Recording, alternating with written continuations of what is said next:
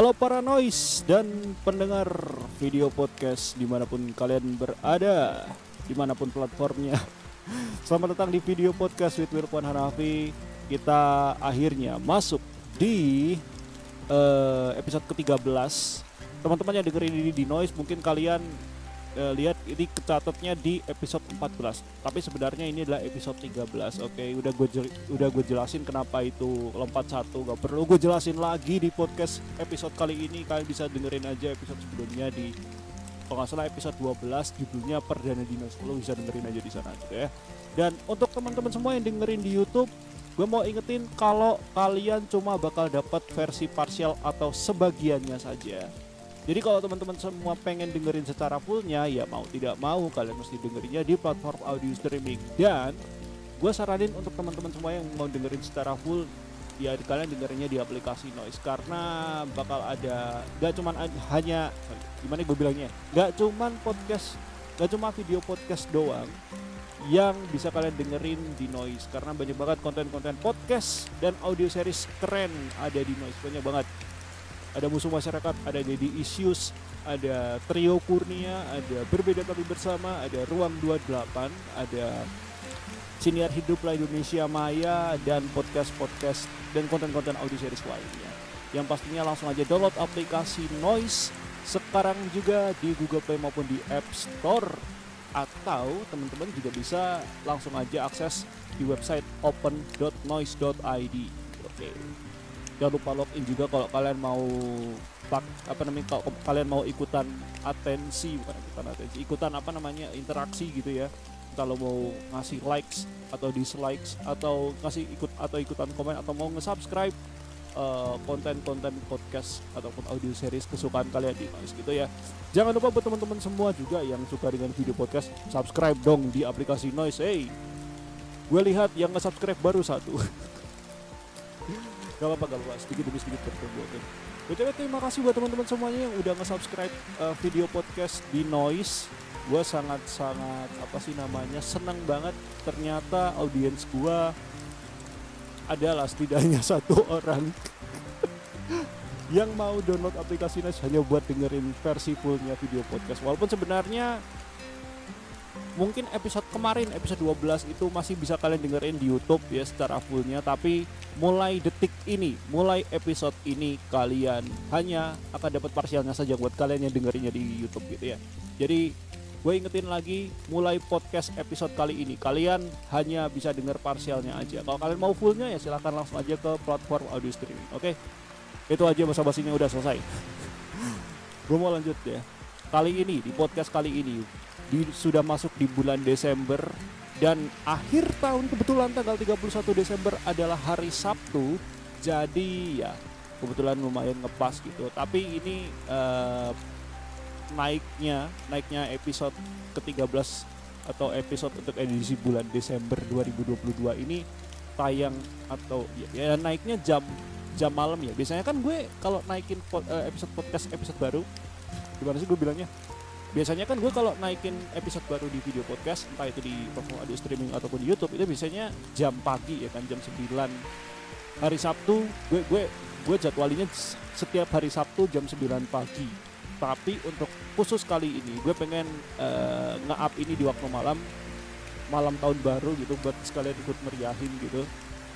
Jadi teman-teman semuanya ya yang mungkin dengerin ini di waktu malam tahun baru ini dan ketika ini sudah naik lalu kalian langsung dengerin. Ya terima kasih teman-teman semuanya. Gue akan berusaha untuk menemani kalian semuanya yang merasa bahwa malam tahun barunya boring ya. Malam tahun barunya nggak nggak ada yang seru gitu ya kan? Tapi gue yakin di luar lebih seru sih daripada podcast ini.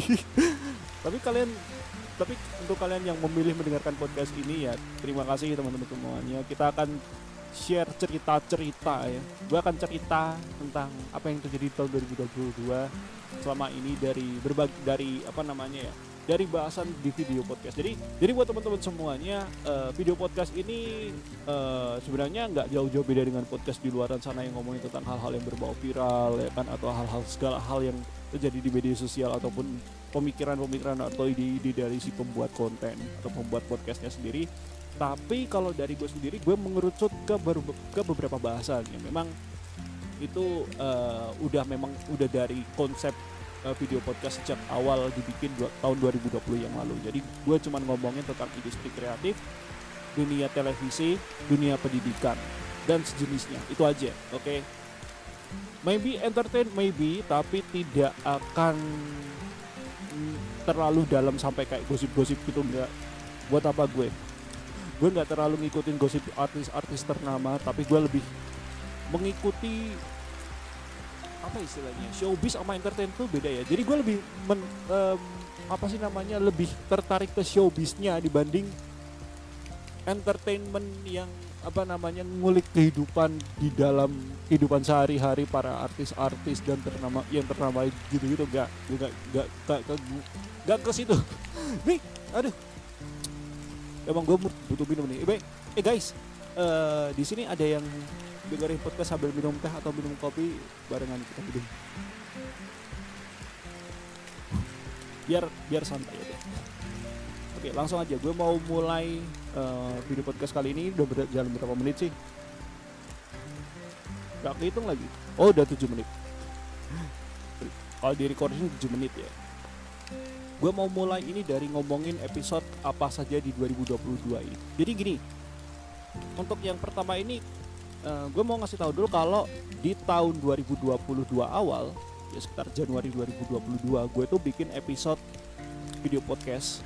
Sebelum ada di Noise ya pastinya sebelum kita gabung di Noise. Tapi teman-teman bisa udah bisa dengerin uh, episode itu ada di Noise. Kalau nggak salah ini episode kelima judulnya apa saja di tahun 2022 ini. Di situ gue ngomongin kejadian-kejadian tahun 2020 dan 2021 dan kira-kira 2022 bakal apa aja yang kejadian gitu. Di situ gue cerita banyak banget dimulai dari dunia pendidikan, dunia entertain dan yang lain-lainnya.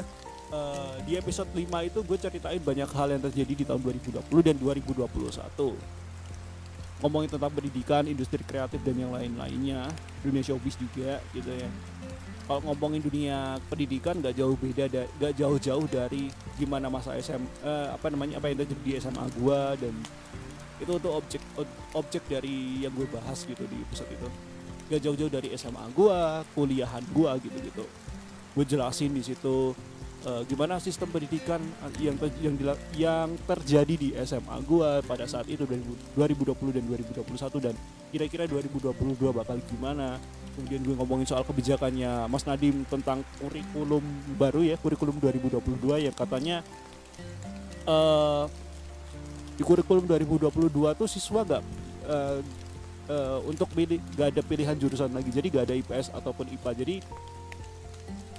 teman-teman uh, yang masuk di sekolah menengah atas yang pakai kurikulum 2022 ha, uh, gimana ya gue ngomongnya ya mereka bisa memilih mata mata pelajaran tertentu yang akan membantunya membantunya untuk menuju ke masa depannya atau menuju cita-citanya atau menuju ke karir jenjang karir selanjutnya gitu. Kalau misalkan contoh gini, gue mungkin mungkin jelasin sebagai uh, contoh contoh simpelnya ya. Kalau misalkan teman-teman semuanya sedang di perfilman, sedangkan kalau ngomongin soal perfilman itu kan banyak banget mata pelajaran yang bisa mendukung ke sana. Salah satu contohnya adalah bahasa Indonesia, bahasa Inggris. Tapi kalau Inggris itu opsional kayaknya bahasa Indonesia, bahasa Inggris, sosiologi, dan apalagi ya, seingat gue kayak gitu, segitu.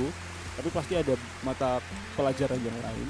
Jadi kalian bisa memilih mata pelajaran itu itu aja gitu. Jadi kalian nggak perlu milih matematika, nggak perlu milih fisika. Ya fisika kayaknya perlu nggak sih? Kayaknya setidaknya kalau kalau fisika kan ada pelajaran namanya. Apa sih namanya?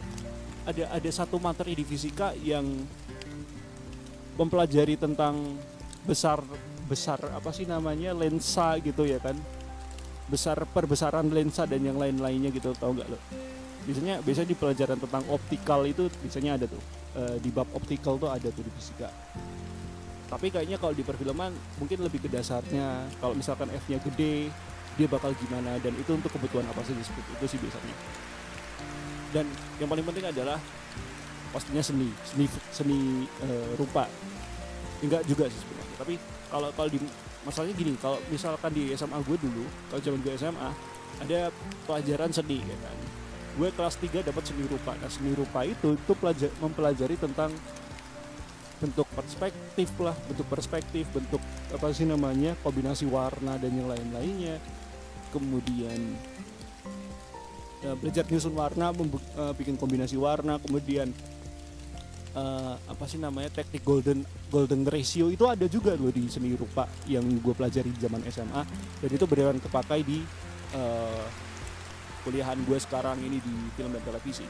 Dan itu eh, benar-benar membantu gue jadi ya, jadi jadi jadi intinya adalah kalau misalkan teman-teman semua eh, masuk ke SMA dan pakai kurikulum 2022 kalian dimungkinkan untuk memilih beberapa mata pelajaran tertentu yang nantinya akan mendukung ke ke depannya jadi kalau misalkan eh, teman-teman mau masuk ke jurusan A kalian bisa milih beberapa mata pelajaran tertentu yang akan membuat kamu yang akan mempermudah kamu menuju ke akan mempermudah kamu menuju ke mat, mata ke jurusan atau ke program studi yang memang kamu impikan di mata eh, di produk program studi A misalkan gitu. Ya gampangnya seperti itu. Tapi kayaknya 2022 kar- karena kembali lagi ya belum terjadi karena ngomongin kurikulum kan kalau namanya kurikulum 2022 nggak akan secepat kita bikin roti atau pancake ya. Kan mesti nyusun dulu ini ntar bahas apa namanya ntar isinya intinya gimana aja gitu. Terus apa sih namanya eh, ntar bahan ajarnya apa aja kemudian ntar tujuannya bakal ada pelajaran ini tuh untuk apa gitu. Itu kan rancangnya cukup lama gitu jadi kayaknya tahun 2022 ini masih belum belum ada kelanjutan. Apakah akan lanjut? Bukan akan lanjut apakah akan diberlakukan secepatnya atau tidak? Kayak kayak gitu. Belum ada kabar sama sekali. Karena kayaknya kabar-kabar baru terakhir ini tentang dunia pendidikan apa ya udah lama gue nggak ngikutin semenjak gue kuliah di eh, semenjak gue ngekos di Solo kembali ngekos dan kembali ke tetap muka di Solo gue udah jarang banget ikutin info itu. Jadi gitu. Kemudian di 2022 gue juga sempat ngomongin tentang bedanya lebaran 2021 2020 2020 2021 dan kemudian 2022 ntar bakal gimana lebaran Ramadan dan kayak gitu gitu terus apa lagi ya? Kalau ngomongin 2022 yang pastinya kita tidak pernah luput yaitu adalah masalah migrasi TV analog ke TV digital.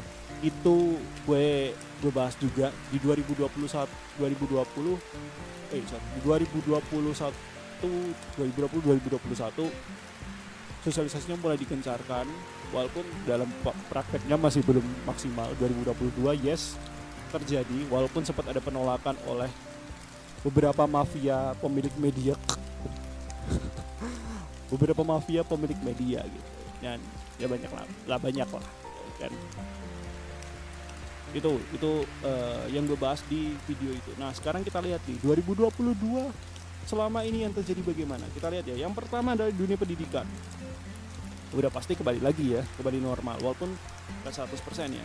Masih ada kayaknya masih ada beberapa lembaga pendidikan atau jenjang pendidikan entah SMP SD SD SMP SMA ataupun bahkan perguruan tinggi yang masih tetap menerapkan blended learning jadi teman-teman semuanya eh, kalau kalau gue sih masih merasakan ya masih masih menerapkan itu gitu jadi teman-teman tetap ada tetap ma- eh, tatap muka tapi akan ada waktu tertentu atau masa tertentu di mana eh, kuliah tuh harus harus dengan daring begitu. Kalau ngomongin kalau ngomongin ini yang gue yang gue alami ya selama satu semester terakhir ini eh, itu ada di satu mata kuliah. Satu mata kuliah ini gue sebut sebut bab gak apa-apa ya. Kayaknya biar biar kalian punya gambaran gitu. Orang anak TV itu belajarnya apa gitu. BTW gue ngulang beberapa beberapa matkul di semester 5 ada mata ada mata kuliah namanya semiotika. Nah, mata mata kuliah semiotika itu tuh sempat di beberapa pertemuan awal itu ya tatap muka. Cuman dari perteng mungkin sekitar pertemuan ke-8 ke sampai ke terakhir. Jadi kan ada 16 pertemuan nih kan. Berarti pas masa UTS sampai ke akhir itu pertemuannya secara daring. Dan bahkan kayaknya nggak ada pertemuan sama sekali. Bahkan sampai nggak ada pertemuan sama sekali. Nah itu tuh yang jadi eh bapak ya namanya? Kalau buat gue sendiri bukan kendala sih tapi mungkin lebih ke kebingungan gitu. Karena jujur aja nih ini mungkin salah satu bentuk kritik saya ya pak. Kalau bapak dengerin kalau bapak dosen mendengarkan podcast ini ini salah satu kritik juga gitu dari saya. Ada salah satu keresahan yang ada dalam diri saya. Beliau eh, bapak kan pernah ngasih tugas UTS ke kami. Bikin paper tentang TV digital gitu kan tentang eh, apa namanya regulasi TV digital yang diberlakukan Kominfo dan pemerintah dan yang lain-lainnya itu untuk tugas UTS sampai sekarang kita belum ngumpulin. Kenapa? Jadi gini kita dikasih tugasnya di pertemuan ke-8 dan pengerjaannya adalah dua minggu. Jadi minggu jadi eh, pertemuan ke-9 tidak ada tidak ada pertemuan. Karena fokusnya ngejain itu itu UTS tugas UTS minggu ke-10 kita mau masuk. Ternyata bapaknya memberikan per memberikan pemberitahuan kalau kuliah di uh, kuliah semiotika di ini apa namanya kuliah semiotika itu di uh, online pakai Google Meet. Nah itu kita bingung tuh kita mau ngumpulinnya gimana sedangkan bapaknya tidak ada di kampus. Gue sampai tanya-tanya sama teman-teman teman-teman yang satu kelas sama gue, kalian udah ngumpulin belum tugas UTS-nya? Ternyata belum. Jadi kita bingung, kita mesti ngirimnya gimana? Apakah mesti ngirim ke email atau bagaimana? Mungkin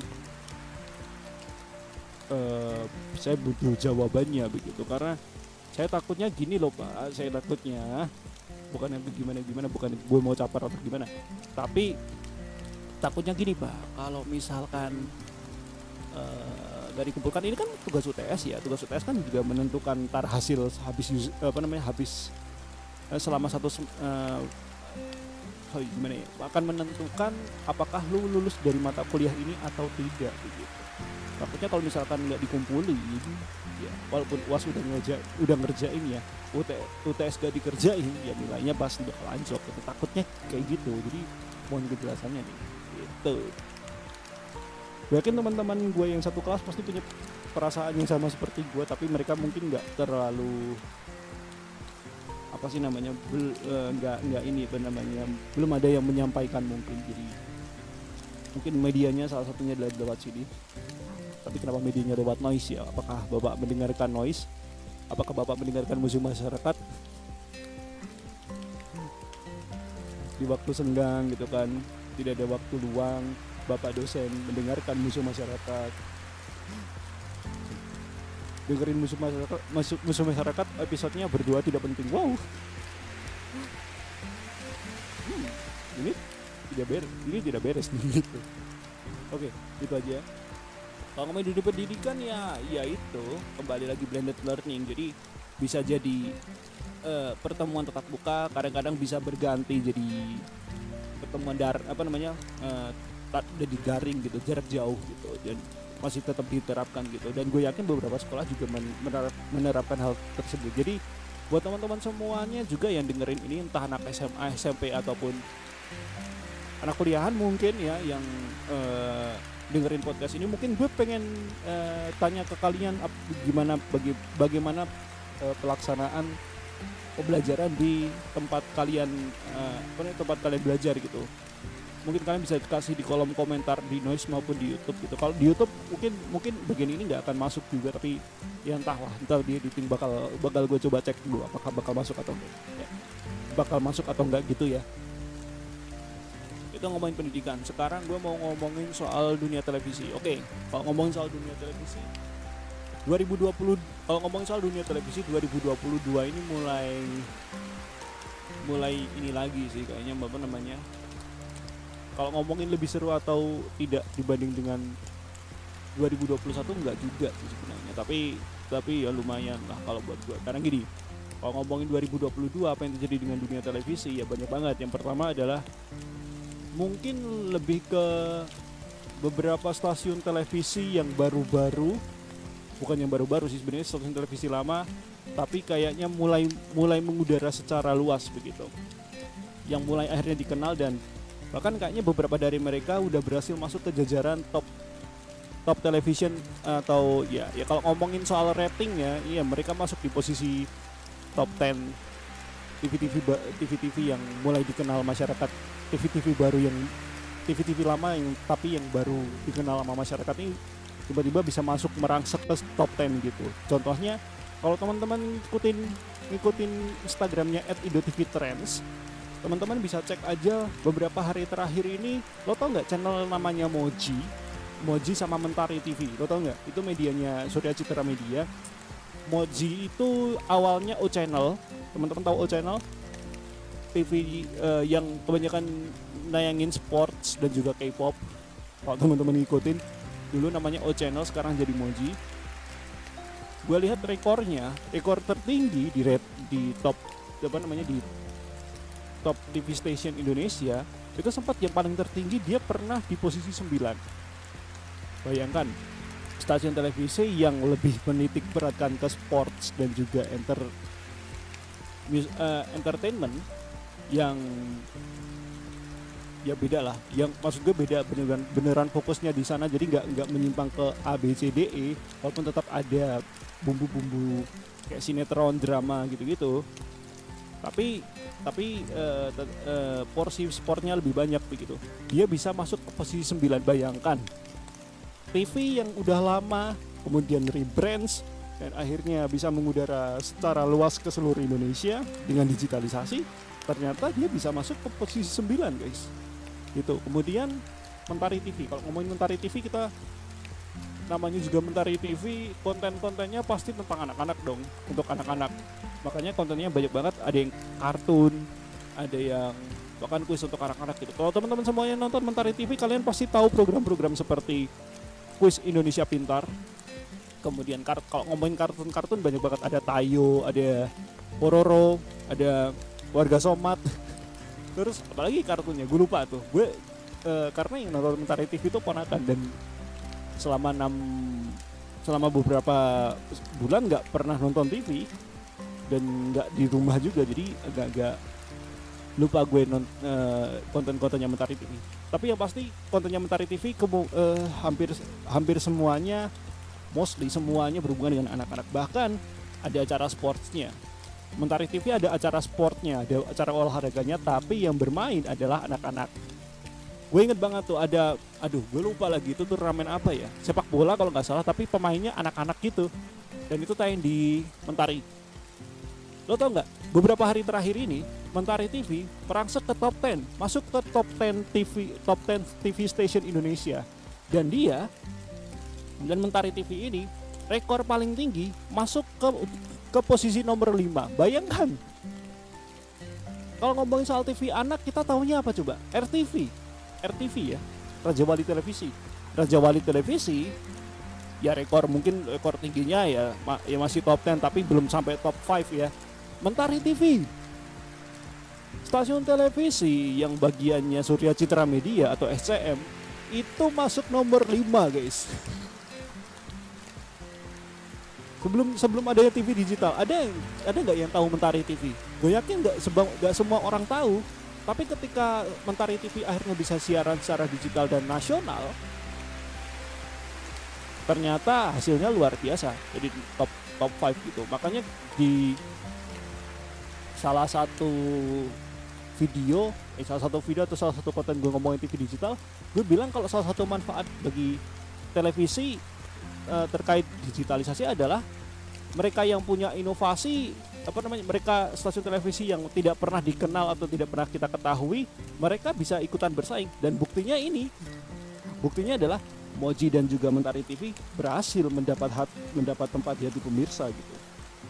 Dan ini yang unik lagi kalau ngomongin soal top rating atau top TV top TV station Indonesia kita seperti yang kita hafalkan bukan seperti kita hafalkan. Seperti yang kita tahu pasti ad- ada beberapa stasiun televisi ini sesuai urutannya. Yang pertama pasti adalah Indosiar satu Indosiar dua RCTI tiga SCTV empat eh, MNC TV lima Antv. Indosiar RCTI SCTV MNC TV Antv. Oke, urutannya ini ya. Nomor satunya Indosiar biasanya. Lo tahu nggak beberapa hari terakhir ini di bulan sekitar bulan November ataupun Desember, nomor satu siapa? MNC TV. Bayangkan. Kayaknya jarang banget MNC TV itu dapat nomor satu gitu kayaknya. Tapi gara-gara digitalisasi masuk gitu. Tapi gue yakin sih eh, selain karena digitalisasi, MNC TV dapat nomor satu karena program andalannya bukan program andalan sebenarnya ini program lawas tapi ditayangkan di MNC TV itu mendapat hati di mendapat tempat di hati pemirsa. Family eh, Family 100 itu adalah acara yang udah lawas banget sejak zamannya eh, Om Sony Tulung di Antv. Eh, kemudian pindah ke Indosiar, kemudian ke TV7, kemudian dibikin lagi di Antv Super Family yang bawain dari Yusinatria, kemudian pindah ke hmm, pindah ke Indosiar yang bawain Om Tukul Arwana. Semoga Om Tukul tak sembuh karena beliau ikonnya komedi dan bahkan ikonnya super apa namanya program Family 100 terbaik tuh di Indosiar. Kemudian ke GTV yang di mana GTV saat itu brandingnya adalah home of uh, quiz and game show gitu. Sempat beberapa kali beberapa season kayaknya dua season kemudian pindah ke MNC TV yang kemudian di MNC TV ternyata sukses itu itu quiz di MNC TV yang ngebawain Irfan Hakim dan gue dan gue ngerasa Irfan Hakim ketika ngebawain ini vibe vibe nya dia masih nge-host bareng Ustadz Danu di siraman kolbu itu masih kebawa. Dan mungkin itu yang membuat akhirnya eh, membawa MNC TV jadi nomor satu sekarang. Dan kabar-kabarnya nih kabar-kabarnya ya. Gue dapat kabar dapat informasi kalau katanya lo tau nggak kuis siapa berani yang sempat sempat tayang di TVRI katanya bakal ditayangin lagi di MNC TV mengikuti jejaknya Family 100 yang bisa masuk ke nomor satu bisa masuk ke rating nomor satu dan rencananya ya itu tadi gue bilang eh, siapa berani kuis siapa berani seperti yang kita tahu kuisnya Om Helmi Yahya dan Mbak, Alia Rohali itu bakal tayang lagi bakal tayang lagi dan bakal eh, ya bakal tayang lagi di MNC TV gitu untuk mengikuti jejaknya Family 100 yang bisa membawa MNC TV naik ke posisi satu. Kira-kira apakah akan berhasil? Gue yakin bakal berhasil. Gue yakin akan berhasil. Tapi kita nggak tahu ntar formulanya bakal seperti apa gitu. Ya, semoga sukses aja teman-teman di Asia Media Production ataupun uh, Om Helmi Yahya juga gitu ya. Lanjut lagi, itu itu itu dunia TV ya. Kalau ngomongin dunia TV, eh, ternyata kalau kita lihat secara eh, performa, performa entah bagaimana eh, performa televisinya maupun bagaimana audiensnya, ternyata TV digital memang punya banyak manfaat. Manfaatnya salah satunya ya ini untuk untuk media sendiri mereka yang nggak pernah bisa apa namanya mereka yang udah all out dengan program-program kualitas berkualitas mereka akhirnya bisa bisa apa sih namanya bisa dinikmati hampir semua masyarakat Indonesia begitu. Bahkan stasiun televisi stasiun televisi yang bahkan kita nggak pernah tahu. Kalau dulu tuh ada stasiun televisi ini loh akhirnya mereka bisa ikutan bersaing. Tapi yang jadi tantangan besar adalah TV daerah. Nah ini nih. TV daerah pun juga ikut eh, migrasi juga kan. Tapi kayaknya sampai sekarang belum ada TV da- TV daerah atau TV tele, ya televisi milik eh, televisi yang bersiaran di daerah di daerah itu bisa eh, mendapat tempat di hati gitu. Kecuali ya TVRI daerah ya. Kalau TVRI daerah emang emang itu salah satu kewajibannya TVRI tapi kalau misalkan stasiun televisi swasta atau stasiun televisi ya milik perusahaan gitu yang mengudara hanya di beberapa daerah saja itu gue belum melihat mereka eh, eh, persaingan yang terjadi gitu pada saat itu. Ya kita lihat aja nanti ke depannya gimana. Walaupun sebenarnya ya nih kalau ngomongin kalau, ngomongin TV digital ya 2 November 2022 pukul 24.00 waktu Indonesia Barat itu kan mulailah era barunya. Walaupun sebenarnya ini dimulai di daerah Jabodetabek dan 56 daerah layanan kalau nggak salah. Dan itu sempat jadi ke, eh, sempat sempat dipermasalahkan sama MNC dipermasalahkan sama MNC Media gitu ya kan? Medianya Thanos ya kan? Itu dipermasalahkan karena katanya itu cacat hukum dan yang lain-lainnya. Tapi gue akan bahas ini karena akan sangat akan mungkin akan membuat podcast ini lebih panjang. Jadi kalau misalkan kalian penasaran dengan bahasan tentang TV digital dan bagaimana kecaman kecaman dan protes yang dilayangkan oleh MNC Media melalui bosnya yaitu bos Thanos ada penjelasannya dan ada yang ada apa namanya, bahasanya juga. Di video gue bikin video native ngobrolin acara TV tentang gua yang nanggepin komentar netizen masalah TV digital ini gitu. Dan bahkan gue sampai ngat bahkan gue sampai sampai ngasih sindiran lu miskin beli kuota aja mampu tapi kenapa beli set top box gak mampu? Gitu walaupun banyak banget orang-orang yang nggak setuju dengan uh, statement itu atau pernyataan seperti itu tapi gue sampai sekarang masih tetap bisa apa namanya gue masih tetap berpegangan seperti itu karena apa pun yang mereka respon ataupun apa apa pun yang mereka tanggapi kayak ya kan kuota adalah suatu hal yang penting. Maksud gue kalau lo hiburannya TV tapi kuota lo masih fokus gitu kita kita bahkan sampai bahkan gue sampai sampai bikin kayak hitung-hitungan loh bahkan gue sampai bikin hitung-hitungan bro uang yang lo keluarkan untuk kuota kalau lo kumpulin beberapa bulan yang yang nggak usah kumpul beberapa bulan kalau misalkan lo pakai kuota tertentu gue yakin juga lo pakai kuota cuma cuman buat kegiatan tertentu aja nggak 100% all out akan ada di, di, di sosial media juga kan. Lo bisa beli kuota kalau misalkan lo menyisihkan setidaknya berapa gitu 2000 per hari atau mungkin mungkin berat sih 20 ribu per hari. Mungkin 10 ribu per, per minggu. Gue karena kalau kalau gue sendiri caranya adalah ngumpulin setidaknya 10 ribu per minggu. Bayangkan 10 ribu per minggu lu kumpulin selama maybe tiga bulan. Tiga bulan tiga, sorry empat bulan sampai enam bulan itu itu kalau kekumpul itu kalau kekumpul ya kekumpul bisa bisa buat beli set box loh. Walaupun ya memang keresahan sekarang adalah set box harganya naik tiga dua sampai tiga kali lipat. Ya itu jangan jangan jangan heran gitu karena lu lu belajar dari kejadian zaman zaman covid gak lo zaman covid itu terjadi panic buying harga telur naik. Lo tau gak lo inget gak harga telur naik masker jadi langka. Lo masih inget gak itu? Sekarang jadi pertanyaan kalian masyarakat masyarakat kalian belajar dari situ nggak? Gitu loh ketika itu terjadi kembali dan ini ngomongin soal TV digital gue langsung kayak orang-orang ini yang pada protes dan yang lain-lainnya kalian belajar dari kejadian sebelum-sebelumnya gak sih gitu loh? Itu yang jadi permasalahan gue dan itu ya ya udah gue gak akan terusin lagi. Ini ntar bakal jadi panjang lagi dah.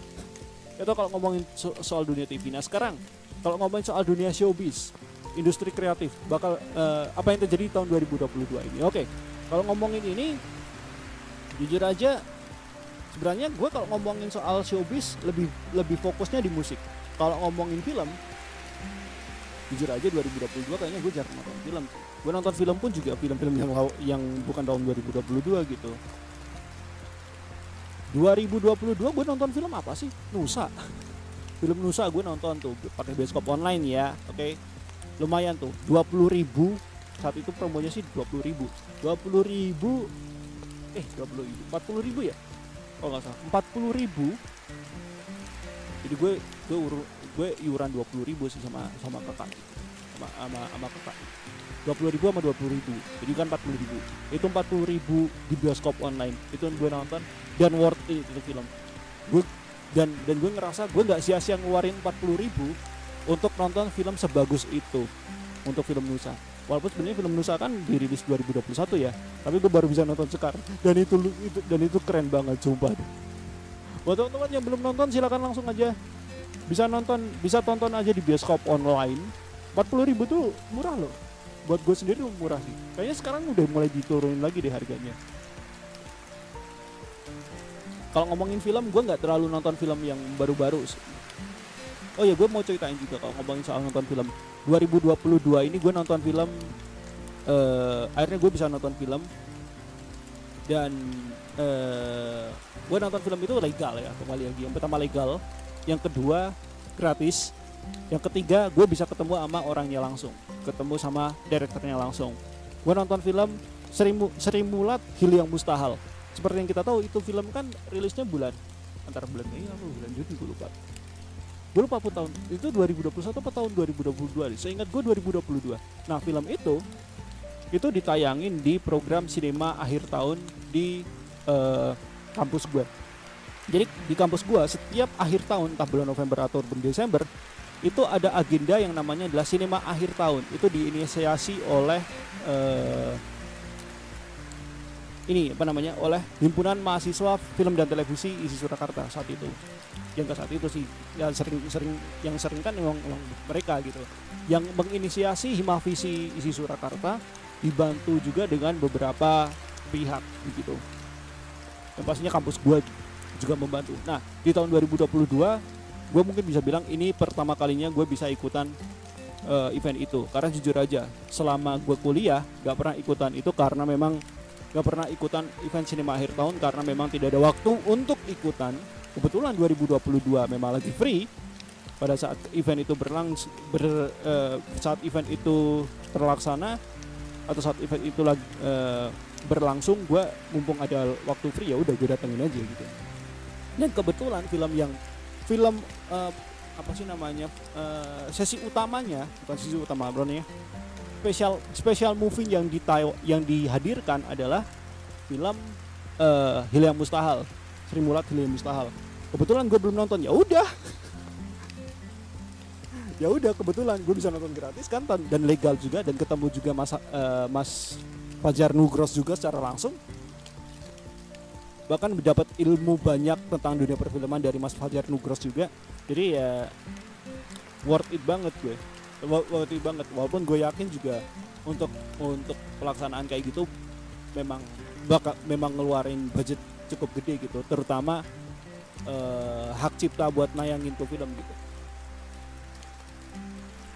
Kalau ngomongin film itu gue jadi agak jarang 2022 nontonin film. Bahkan nonton bioskop aja gue kayaknya jarang banget tuh. Kayaknya 2022 gue juga sempet nonton bioskop juga. Tapi gue lupa film apa tuh. Masih di Temanggung juga. Jadi gue masih nonton film di bioskop juga tuh. Tapi gue lupa itu film apa tuh gue lupa tuh. Minions kalau nggak iya Minions ah. Gue nonton Minions tapi judulnya apa? Gue lupa tuh. Itu tayang kalau nggak salah bulan Agustus atau bulan Juli. Juli atau Agustus salah. Itu itu itu kalau nonton nontonin film ya itu. Cuman itu doang. Tapi yang paling gue fokusin adalah di musik. Kenapa? Karena kembali lagi gue adalah pecinta musik dan gue tuh terutama musik Indonesia ya. Karena jujur aja gue uh, entah kenapa gue tertarik dengan mendalami musik Indonesia apalagi tongkrongan gue bahkan di kampus walaupun sekarang tongkrongan gue bukan bukan lagi teman angkatan gue tapi teman tapi adik-adik tingkat gue di, di angkatan 2020 ataupun 2020 dari 2020 atau 2021 gitu. Mereka ya mereka selera musiknya luar biasa terutama ada yang banyak banget yang selera musik Indonesia nya gede banget. Akhirnya ya gue mendalami itu juga gitu dan banyak banget dunia di apa namanya kejutan-kejutan di tahun 2022 ini kalau ngomongin soal dunia industri musik Indonesia buat teman-teman semua yang nggak tahu kayaknya 2020 uh, eh, buat teman-teman semua yang nggak mungkin nggak update gue mungkin akan bilang 2022 adalah masa di mana musisi-musisi ataupun para para musisi, para penyanyi yang seperti yang kita tahu mereka uh, sempat booming di zaman uh, di zaman dulu, di zaman era-era kita dulu gitu. 2000 ya mungkin kalau kasar-kasarannya mungkin ya 2000 rentang waktu 2000 tahun 2000 sampai 2012-an. Mereka akhirnya bisa kembali lagi, mereka comeback, ah istilahnya gampangnya. Mereka comeback dengan inovasi yang lebih lagi. Jadi jadi 2022 adalah masa di mana mereka-mereka nih sudah mewarnai kehidupan kita di era 2000 tahun 2000 sampai 2012 mereka kembali lagi dengan inovasi yang luar biasa. Dan gue mau ngasih satu fakta menarik nih. Ini gak per, gini gak kayaknya gak banyak orang tahu, tapi gue yakin anak-anak atau teman-teman yang memang udah pernah bareng sama gue selama selama hidup gue kalau hidup gue pasti tahu tentang fakta ini. Tapi buat yang nggak tahu gue mau ngasih tahu uh, fakta yang menarik ini bahwa gue adalah salah satu dari Tui Boys mungkin nah ini nih nih nggak ada yang tahu nih kalau ngomongin soal soal bagaimana gue ketertarikan gue dengan musik. Mungkin kalian melihat gue tuh nggak terlalu senang dengan bagaimana boy band dan girl band gitu. Apalagi kalau ngomongin K-pop. Memang gue nggak terlalu bukan nggak terlalu suka tapi ya gue suka cuman cuman bukan berarti suka dalam artian mendalami banget gitu. Kalau ngomongin K-pop gak terlalu gitu. Gue masih dengerin BTS gue masih dengerin Blackpink gue masih dengerin uh, Twice tuh agak jarang sih. Tapi gue lebih, lebih ya masih masih sering dengerin gitu loh. Masih sering dengerin Super Junior gue masih sering dengerin BTS Blackpink SNSD bahkan kayaknya. Gue masih dengerin. Oh, tapi tapi gak terlalu mendalam. Tapi kalau ngomongin musik Indonesia gue lebih banget. Tapi untuk yang boyband dan girl band gak terlalu. Karena memang saking banyaknya dan ketika mereka muncul hanya ber, hanya beberapa sesaat hanya beberapa dari mereka yang bisa masih bisa survive. Bahkan mungkin sampai sekarang bahkan mungkin di zaman sekarang muncul ke permukaan dan banyak banyak yang uh, kembali lagi dikenal gitu. Bahkan untuk generasi generasi Gen Z dan ya Gen Z dan di bawahnya lagi mulai mengenal mereka gitu. Dan gue tadi sempat uh, sempat bilang kalau gue adalah uh, bagian dari Toy Boys. Ya buat teman-teman yang nggak tahu apa itu Toy Boy Toy Boy itu adalah sebutan bagi fans Cherry Bell yang laki-laki. Bro, pasti kalian gak percaya. Gak, pasti kalian gak percaya. Bro, gue ngefans banget dulu sama Cherry Bell. Bener. Lo tau gak? Zaman gue 2011 saat itu, ya Cherry Bell kan muncul 2011 ya. 2011 gue SD kelas 5. gue mau ingat-ingat itu kayak gimana gitu. SD tahun 2011 ya SD 2011 2011 saat itu gue kelas 5 SD gue tuh bahkan sampai uh, nyari poster poster majalah gitu yang isinya gambar uh, yang isinya itu adalah foto formasi Cherry Bell pada saat itu. Lo masih inget gak uh, formasi pertama Cherry Bell? Itu kan masih ada Wenda masih ada Wenda sama sama Devi kan sebelum akhirnya diganti sama Keza dan Sleepy itu gue sampai nyari posternya tuh dulu kayaknya sekarang udah gak ada deh. Kayak, kayaknya sekarang tuh poster udah gak ada deh karena memang Lokman dan Nafi, hey, anda lagi. tapi tapi sekarang gue mikir emang apa salahnya gitu ya. Tapi ya udah posternya hilang, posternya hilang. Dan saking toy boynya gue dulu dulu Cherry Bell itu ada acara TV, ada pro, sebuah program TV yang di mana Cherry Bell tuh jadi castnya. Lo inget gak di Antv kalau nggak salah 2011-2012 itu ada program namanya Cibi Cibi Burger. Tayang abis Facebooker gue masih inget banget. Cibi Cibi Burger tayangnya habis Facebooker gue masih inget banget. Lo tau gak setiap dan itu tayangnya kalau nggak salah seinget gue jam 7 tiap hari Rabu. Apal banget Lukman. Tiap hari Rabu jam 7 malam gue selalu stay tune. Gue selalu stay tune kalau misalkan jam 7 biasanya di jam yang di jam yang sama di jam yang sama nyokap bokap lagi nontonin tukang bubur naik haji. Gue masih ingat banget tukang bubur naik haji tayang jam 7 di RCTI Cibi Burger tayang jam 7 setiap hari Rabu di Antv. Saat itu di hari Rabu jam 7 gue selalu gue selalu minta ke orang tua ke, ke nyokap bokap gue Pak Bu jam 7 tiap hari Rabu setel Antv titik. Tidak boleh diganti. Anjir gue sampai kayak gitu loh bro. Tapi rasa rin rasa kangen gue dengan program-program zaman dulu tuh beneran beneran ter terobati ketika ternyata ketika gue cari di YouTube tayangan ulang Cibi-Cibi Burger walaupun nggak komplit ya walaupun nggak komplit semua episode ada di situ itu ternyata banyak banget yang upload dan mungkin ini salah satu masukan juga buat gue. Tolong Mas Ardi Bakri, Anda pemimpin Antv. Minta tim sosial media atau tim pengarsipannya Antv buat buat tayangin lah apa namanya? Buat buat upload lagi lah itu. Eh, buat buat upload lagi sih. Buat ngap ya buat nge, uh, mengunggah lah istilahnya. Apa namanya? Buat buat ngupload konten uh, program Cibi-Cibi Burger itu secara full gitu loh. Kita tidak peduli mau kualitasnya jelek atau bagaimana, setidaknya 480 atau 360p itu udah cukup buat kita. Apalagi itu kan 3 banding 4 ya saat itu. Belum belum full bukan apa bukan bukan rasio 16 by 9 gitu kan. Tapi ya tidak apa-apa tidak apa-apa diupload aja gitu. Karena mengobati rasa rindu para tuibi dan tuiboy gitu. Karena kalau ngomongin kalau ngomongin ini kan kan mereka uh, grup Cari Bell uh, relaunch. We can call it relaunch tahun 2022 dengan nama CBTV karena personilnya cuma tujuh. Yang nggak gabung Gigi sama Gigi sama Feli. Gigi itu fokus di acting Feli uh, fokus ke uh, kehidupan keluarganya gitu lah ya.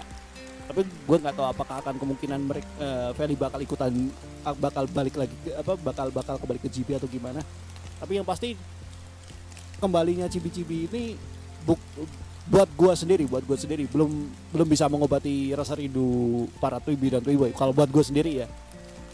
Yang bakal mengobati rasa rindu Twibi dan Twiboy adalah ketika mereka bisa tampil lagi dengan program dengan program TV sendiri. Itu yang itu itu mungkin yang bisa membuat benar-benar totally gitu. Karena kalau ngomongin soal GBGB kayaknya terakhir mereka tampil di TV itu di inbox walaupun gue nggak nonton gak nonton di SCTV ya secara langsung ya ketika ketika program itu tayang gue cuma nonton ulangannya aja dan emang seru dan kalau ngomongin soal musisi lawas atau musisi lama yang eh, sempat menghiasi kehidupan kita dalam dunia musik, mereka comeback lagi. Ya salah satu yang paling yang paling kelihatan adalah ada band, ya. Buat teman-teman, gue yakin beberapa dari kalian ada yang belum tahu kalau ada band sempat ganti vokalis Doni Sibarani yang keluar tahun 2017.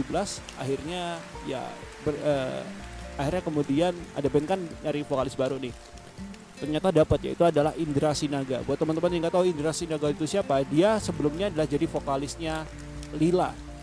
Makanya uh, sebutannya kan Naga Lila. Sekarang Naga ada band. Aneh juga sih Naga ada band. Tapi dia jadi vokalisnya ada band. Ya ya dia jadi vokalis ada band itu tahun 2020 gitu. Udah diresmikan 2020. Mereka udah bahkan udah bikin tiga single bahkan.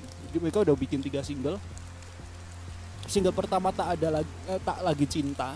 Kemudian single kedua berharap berharap cinta. Dan single yang ketiga single yang ketiga judulnya boleh judul ketiga uh, single ketiga judulnya kenalan dulu aja. Kalian bisa dengerin aja itu di Spotify di uh, di Spotify atau di uh, uh, platform musik streaming gitu. Atau teman-teman yang mau lihat video klipnya langsung aja cek di official YouTube-nya ada band ada tuh.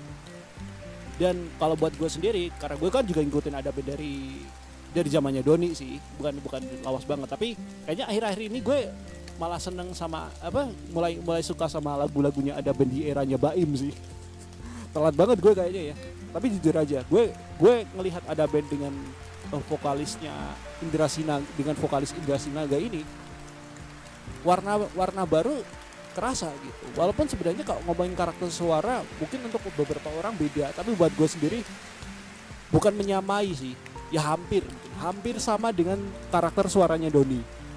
Kan karakter suaranya Bang Doni Sebarani. Dan memang dan memang itu ngepas dan klop banget sih menurut gue dan uh,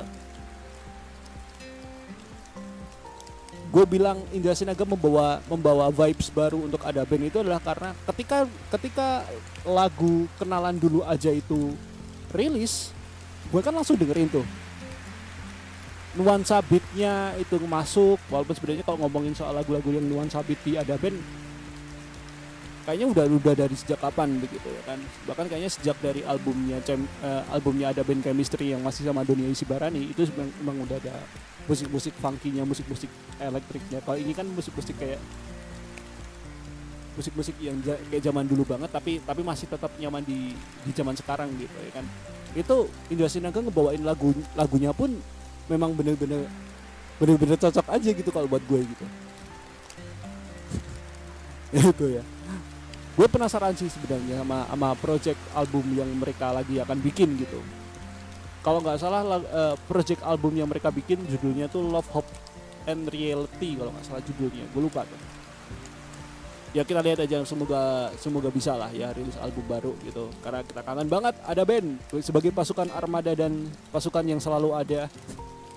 Kita pengen banget nih ngelihat bagaimana ada band uh, bisa menghibur kembali masyarakat dan terutama fans-fansnya yang sekarang kayaknya lebih yang sampai sekarang kayaknya mereka masih lebih men, membanggakan era uh, bukan membanggakan lebih menyukai eranya ada band di ketika vokalisnya Bang Doni Sibarani gitu. Dan semoga aja ini uh, bisa jadi mungkin bisa jadi apa sih namanya bisa jadi uh, pemit jadi uh, pacu uh, acuan yang lebih lagi untuk untuk musisi-musisi lain yang karena gue yakin musisi-musisi lawas yang sempat meng musisi-musisi lama yang sempat mewarnai kehidupan bermusik kita bisa lebih apa namanya bisa bisa kembali lagi dengan dengan format dan inovasi yang lebih lagi. Karena gue jujur karena jujur aja musisi-musisi lawas itu mereka kalau misalkan mau berkembang lagi di musik Indonesia bisa loh. Bisa banget gitu. Jangan uh, mereka cuma berinovasi aja dan pintar-pintarnya mereka dalam berkarya dan menciptakan sebuah karya aja gitu. Kita lihat aja nanti ke depannya bagaimana untuk ngomongin kalau ngomongin soal industri musik gitu ya. Industri film udah sekarang lanjut lagi di apa lagi ya? Showbiz tuh banyak banget masalah. dia mungkin cuma itu, itu aja gitu ya terus uh, lanjut lagi kalau ngomongin 2022 karena Lukman Sangat Media apa yang udah gue kerjaan banyak banget yang pertama konten native. Walaupun sebenarnya akhir-akhir ini cukup jarang tapi kalau ngomongin konten ngobrolin acara TV di awal-awal di Januari 2022 sampai ya sekiranya Agustus itu gue masih uh, ngupload. Walaupun sebenarnya itu dari konten TikTok yang gue up ke YouTube doang sih. Tapi itu kelihatan kayak uh, kanal Lukman Yusuf Media itu kayak sering banget ngupload gitu. Padahal nggak juga gitu kemudian gue bikin apa lagi sih? Lukman Yusuf Live Show ya. Lukman Yusuf Live Show season 3 di bulan Maret sampai bulan Juli ya kan? Kemudian Lukman Yusuf Live Show ada ada special episode juga ada special Idul Fitri lah ada special kemerdekaan. Kemudian kayaknya live show cuma gitu doang. Kemudian gue bikin konten juga. Buat teman-teman semuanya yang sempat ngikutin Instagram gue maupun TikTok gue gue juga sempat bikin kayak live kayak apa sih namanya kayak kayak live gitu. Yang gue kasih nama ngabuburit show namanya. Ngabuburit show singkatannya dari ngabuburit on the show. Lo bikin singkatan gak gak becus banget ya man? Ngabuburit on the show gitu itu. Kalau teman-teman ngikutin selama nggak nggak full set, satu bulan sih. Setidaknya sta, uh, separ di tiap tanggal genap di setiap tanggal genap selama bulan Ramadan gue bikin live gitu lah di TikTok maupun di Instagram gitu. Teman-teman yang ngikutin uh, mungkin kalian masih ingat itu show. Kemudian uh, apalagi ya gue bikin apa lagi ya? Gue bikin video podcast. Kalau ngomongin video podcast kayaknya memang ini bukan bukan terlalu rajin bukan bukan yang rajin banget tapi lebih ya ya lebih baik lah lebih lebih sering lah uh, kelihatan lebih sering gue bikin video podcast gitu selama 2022 ini. Sejak 2022 itu itu episode itu mulai dari episode 5 kalau saya dari episode apa yang terjadi dua apa saja di 2022 itu kayaknya yang memul uh, yang membuat gue akhirnya mulai bisa bikin podcast lebih lagi. Kemudian itu itu episode 5 sampai yang sekarang episode 13 berarti sekitar 6 6 episode ya. Jadi setidaknya dua bulan sekali dong. Jadi selama 2022 gue udah bikin 6 episode video podcast. Beberapa di antaranya, uh, sorry, beberapa di antaranya. Dua episode termasuk ini di platform yang baru, yaitu di Noise, sejak bulan November lagi ya. Sejak bulan November benar. Sejak uh, episode perdana di Noise dan juga episode ini udah ada uh, eh, gue akhirnya bisa bikin konten podcast di Noise. Kemudian lanjut lagi oh iya 2022 yang pastinya yang pastinya teman-teman ingat pasti yang pastinya teman-teman ingat ya, yaitu adalah kembalinya lagi konten tutorial. Jadi gue udah uh, jadi buat teman-teman semua yang nggak tahu Lukman Yusret Media udah bikin konten tutorial di tahun 2022 ini di mana konten tutorial ini masih tetap berhubungan dengan Net TV karena gue rindu zaman-zaman di mana konten tutorial ternyata laku gara-gara gue ngomongin net TV tapi ternyata kayaknya tuh 2022 nggak terlalu rame. Tapi gue sering gak, tapi gue seneng aja itu gitu ngomongin tutorial bikin video video bikin video tutorial yang ngomongin tentang net TV itu seru banget sih. Dan buat teman-teman semua yang penasaran dengan video tutorial itu langsung aja cek ke YouTube gue lo cari aja judul judul tutorialnya adalah cara membuat promosi program TV kayak Net TV lah gitu aja. Lo cari aja di situ. Ada. Kemudian gue bikin apa lagi ya? 2000 oh ya 2022 adalah masa di mana gue pertama kalinya bikin konten ngobrolin acara TV tapi versi video panjang. Biasanya video ngobrolin acara TV itu di TikTok ataupun di Instagram durasinya ya sekitar paling singkat satu menit paling lama tiga menit. Ya namanya format TikTok ya kan. Paling singkat satu menit paling lama tiga menitan lah ya itu biasanya gue bikin konten native kayak gitu. Nah, 2022 adalah masa di mana gue bikin konten native atau ngobrolin acara TV, tapi dengan format video panjang. Bahasanya juga baru kayaknya kayaknya baru dua deh yang gue omongin di video di ngobrolin acara TV di di tahun 2022 ini yang versi YouTube. Kayaknya cuma dua episode doang gue ngomongin soal TV digital dan juga gue ngomongin soal story-nya Bang Jerome Pauline yang ngomong kalau program TV Indonesia agak-agak gimana gitu dibanding program TV yang ada di Jepang. Gitu-gitu. Teman-teman semuanya langsung aja cek di YouTube gua kalau misalkan kalian penasaran dengan video ngobrolin acara TV yang gue bikin. itu. Kemudian kayaknya cuma itu doang. Vlog gak terlalu ini padahal sebenarnya udah ada rencana pengen pengen bikin ada rencana buat pengen bikin vlog cuman gak jadi. Karena hidup gue tidak terlalu penting jadi gak perlu dibikin vlog gue bikin konten uh, recap juga 7, 7 tahun ngapain aja di 18 Oktober sebagai perayaan 7 tahun Lukman Media dan ya udah itu aja sih yang terjadi di tahun 2022 nah gue selanjutnya ini 2023 gue mau ngomongin apa rencana ke depannya untuk Lukman Media oke okay. kalau ngomongin 2023 apa yang akan gue rencanain? Yang pertama masih tetap dengan apa yang gue nyatakan di apa yang gue sampaikan di video 7 tahun yang ngapain aja di Oktober di Oktober yang lalu bahwa konten live streaming masih belum ada rencana untuk lanjut. Live show masih belum ada rencana untuk lanjut untuk season keempat. Gue nggak tahu juga akan kapan.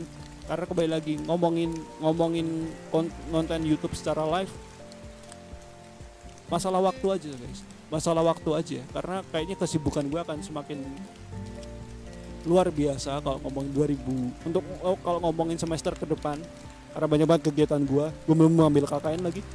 Gue belum ngambil KKN gue belum ngambil kerja profesi. Entah ntar selanjutnya sibuk sibuk apa namanya tugas akhir dan yang lain-lainnya. Jadi belum ada rencana untuk live. Tapi kalau ngomongin bikin konten video yang kemudian gue upload di YouTube masih akan lanjut gitu. Video podcast masih akan lanjut. Kemudian apa lagi? Tutorial masih akan lanjut cuman gak akan gak akan terlalu sering. Bahkan gue kayaknya sempat ngejanjiin kalau gue akan bikin kayak tut konten tutorial tapi bentuknya kayak video short gitu loh. Kayak kayak YouTube short gitu. Tapi kita lihat aja nanti ke depannya apakah akan terjadi atau tidak gitu. Semoga aja bisa terjadi. Kemudian ya mungkin gambarannya gitu aja ya. Gambarannya gitu aja. Jadi untuk ngom ngomongin video podcast masih akan tetap lanjut dan kayaknya bakal gue akan mencoba video podcast tuh jadi main konten gue sih. Gue akan mencoba untuk men, ya mencoba ya namanya juga strategi gimana kan? Dan kemudian konten-konten live stream gak akan terlalu sering. Kalau ngomongin konten tutorial akan tetap upload tapi tidak akan tidak akan sesering itu. Dan bahkan tidak akan se tidak akan se ya tidak akan sesering itu tidak akan serajin itu. Tapi gue sempat menjanjiin kalau bakal bikin konten tutorial itu versi short itu akan lebih lebih sering tapi kita lihat aja nanti tanggal mainnya mulai tanggal mainnya itu kapan. Gitu aja ya. Dan ya mungkin itu aja. Terima kasih untuk teman-teman semua yang sudah mendengarkan video podcast episode kali ini. Dan keba dan karena ini 31 Desember dan beberapa jam lagi kita akan menuju ke 2023 jadi Happy New Year selamat tahun baru 2023 untuk seluruh manusia di dunia ini. Asik untuk seluruh manusia di dunia ini. Selamat tahun baru 2023. Pastinya rencana-rencana 2023 harapannya adalah semoga bisa tercapai. Yang sudah kita rencanakan 2023 semoga bisa tercapai. Buat teman-teman yang merasa jomblo semoga 2023 bisa dapat bisa dapat pasangan. Itu basi banget gak sih? Gue ngomong kayak gini basi banget gak sih? Buat 2020 buat teman-teman yang mungkin merasa bokeh di tahun 2022 semoga 2023 dilapangkan rezekinya ya pastinya. Kemudian buat teman-teman semuanya yang rajin konten di 2022 tapi masih segitu-segitu aja subscribernya semoga 2023 bisa naik engagementnya bisa naik subscribernya bisa naik ya engagementnya bisa naik. Siapa tahu 2023 kalian dapat endorsement kan? Siapa tahu gitu ya kan? Dan yang pastinya uh, dunia kalau untuk dunia showbiz semoga semakin beragam semoga semakin uh, lebih semoga semoga apa namanya semoga bisa lebih sukses lagi bisa lebih besar lagi. Dan eh, semoga inovasinya bisa lebih lebih lebih lebih diperkaya lagi gitu ya. Terus dunia pertelevisian. Kalau ngomongin soal dunia pertelevisian ya sudah pasti semoga semoga semakin semoga sedikit demi sedikit semoga semakin jaya gitu semoga industrinya semakin sehat. Semoga industrinya semakin sehat. Lalu kalau ngomongin dunia pendidikan semoga semakin lebih baik aja. Semoga semakin lebih baik semoga apa namanya pelaksanaannya semakin semakin apa sih namanya semakin sesuai dengan apa yang kita kita harapkan. Kalau ngomongin soal dunia pendidikan yaitu adalah uh, melahirkan generasi-generasi yang jauh lebih lagi dibanding dengan generasi kita yang sekarang uh, generasi yang unggul dalam berbagai bidang begitu.